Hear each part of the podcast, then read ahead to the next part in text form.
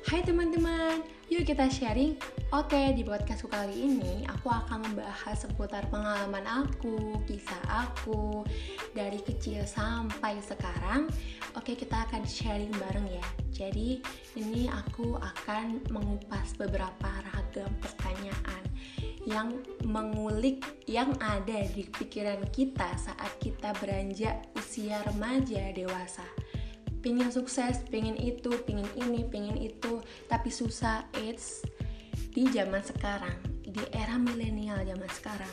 Siapa sih yang nggak punya sosial media? Ayo, pasti punya kan? Nah, jadi jangan lupa kalian untuk manfaatin sosial media dengan baik dan bijak. Dan tentunya akan beberapa episode yang seru lagi dan menarik. Oke, tetap stay tune. Bye.